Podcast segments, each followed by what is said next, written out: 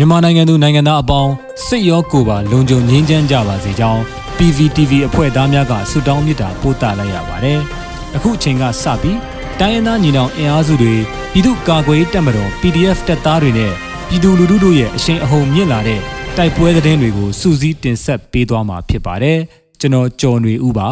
။ပထမဆုံးအနေနဲ့မုံရွာရှိအနောက်မြောက်တိုင်းစစ်ဌာနချုပ်ဝင်းထဲသို့လက်နက်ကြီးဆယ်လုံးဖြင့်ပစ်ခတ်တိုက်ခိုက်တဲ့တဲ့ရင်တင်ဆက်ပါမယ်။ စကိုင်းတိုင်းမုံရွာမြို့နယ်အနောက်မြောက်တိုင်းစစ်ဌာနချုပ်ဝင်းထဲသို့ PDF ပူးပေါင်းအဖွဲ့တစ်ခုကလက်နက်ကြီးဆယ်လုံးဖြင့်ပစ်ခတ်တိုက်ခိုက်ခဲ့ကြောင်း Black Dragon Special Task Force ကသတင်းထုတ်ပြန်ပါတယ်။ ဇွန်လ25ရက်နေ့မွန်လွယ်2နာရီအချိန်မှာကနောင် People Defense Force နဲ့ Black Dragon Special Task Force ပူးပေါင်းပြီးမုံရွာမြို့နယ်အနောက်မြောက်တိုင်းစစ်ဌာနချုပ်ဝင်းထဲသို့အဖွဲ့၃ဘွဲ့ခွဲကာ60မမလက်နက်ကြီး5လုံး90မမလက်နက်ကြီး3လုံး120မမလက်နက်ကြီး2လုံးဖြင့်ပစ်ခတ်တိုက်ခိုက်ခဲ့ကြောင်းစစ်သားများဘက်မှအသေးအပြောက်များနိုင်ပြီးအထိကိအများပြားရှိကြောင်းသိရှိရပါတယ်။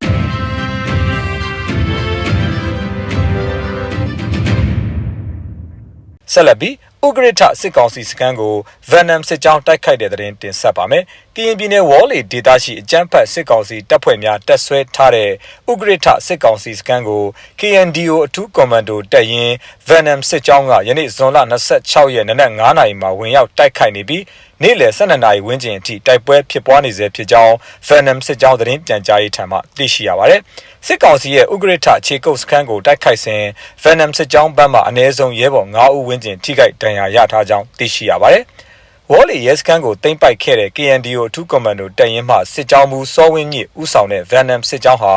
ဥဂရထစစ်ကောင်စီခြေကုပ်စခန်းကိုယနေ့ဝင်ရောက်တိုက်ခိုက်နေခြင်းဖြစ်ပါတယ်။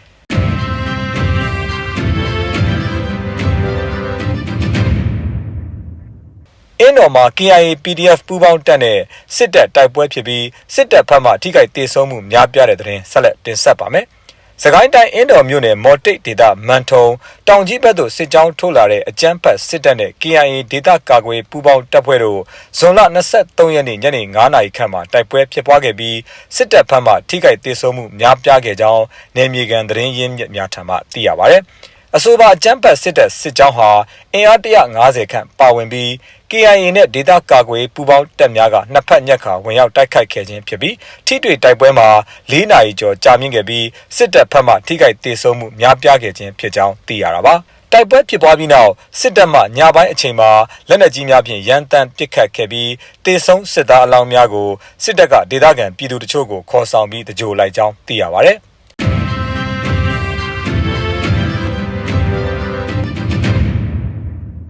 ဆက်လက်ပြီး ဒီမော့ဆိုမှာစစ်တပ်တိုက်ခိုက်ခံရပြီးတေဆုံးမှုများပြားတဲ့တဲ့တင်တင်ဆက်မှာပါ။ကရားပြည်နယ်ဒီမော့ဆိုမြို့နယ် DJ အုပ်စုဒေါငံခါကြီးရွာရှိစစ်တပ်တပ်စခန်းကိုကရင်နီကာကွယ်တပ်ဖွဲ့များနဲ့ PDF ပူးပေါင်းတပ်များကဇွန်လ25ရက်နေ့နနက်6နာရီခန့်မှာဝင်ရောက်တိုက်ခိုက်ခဲ့ပြီးစစ်သားများထိခိုက်ဒေဆုံးမှုရှိတော်လဲအရေးအတွက်မသိရသေးကြောင်း DMO Local PDF တပ်ဖွဲ့ထံမှသိရပါဗျ။ ဒါ့အပြင်ဒီမော့ဆိုမြို့နယ်ကုန်းသာကြီးရွာနဲ့တေးဆူလဲကြီးရွာမှာလည်းအကြမ်းဖက်စစ်တပ်စစ်ကြောင်းနဲ့ပူးပေါင်းတပ်ဖွဲ့တို့ယနေ့နနက်ပိုင်းမှာတိုက်ပွဲပြင်းထန်ခဲ့ပြီးဒီမော့ဆိုမြို့နယ်မြို့မရဲစခန်းတွင်ပစ်ခတ်မှုများဖြစ်ပွားခဲ့ကြောင်းသိရပါဗျ။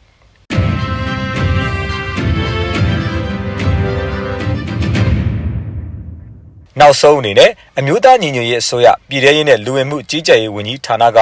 2022ခုနှစ်ဇွန်လ26ရက်ရက်စွဲနဲ့ထုတ်ပြန်ခဲ့တဲ့ပြည်သူ့ခုခံတော်လှန်စစ်တရင်အချက်လက်တွေကိုတင်ဆက်ပေးသွားမှာပါ။ အာနာသိန်းဂျမ်ဖတ်စေအုပ်စုရဲ့ပြည်သူလူထုအပေါ်ဂျမ်ဖတ်ဖိနှိပ်ဖန်ဆီးတိုက်ခိုက်တပ်ဖြတ်နေမှုများကိုပြည်သူလူထုတရက်လုံးကအသက်ရှင်တန်ရေးအတွက်မိမိကိုယ်ကိုမိမိခုခံကာကွယ်ပိုင်ခွင့်အရာပြည်သူခုခံစစ် People's Defensive War ကိုဆင်နွှဲလျက်ရှိပါတယ်။တရင်ချက်လက်များအရ2022ခုနှစ်ဇွန်လ25ရက်စနေနေ့မှာစစ်ကောင်စီတပ်ဖွဲ့ဝင်35ဦးသေဆုံးပြီးထိခိုက်ဒဏ်ရာရရှိသူ9ဦးအထိခုခံတိုက်ခိုက်နိုင်ခဲ့ပါတယ်။ ဆီယနာရှင်စနစ်မြမမြေပေါ်မှာအပြည့်တိုင်ချုပ်ငင်းရင်းနဲ့ Federal Democracy တည်ဆောက်ရေးအတွက်ငြိမ်းချမ်းစွာဆန္ဒပြတဲ့လူလူတပိတ်တိုက်ပွဲများကပြည်내နဲ့တိုင်းဒေသကြီးများမှာဆက်လက်ဖြစ်ပွားပေါ်ပေါက်လျက်ရှိပါတယ်။မြေပြင်မှာတော့ယခုတွေ့ရတဲ့သတင်းအချက်အလက်များထက်ပို၍ဖြစ်ပွားနိုင်ပါတယ်ခင်ဗျာ။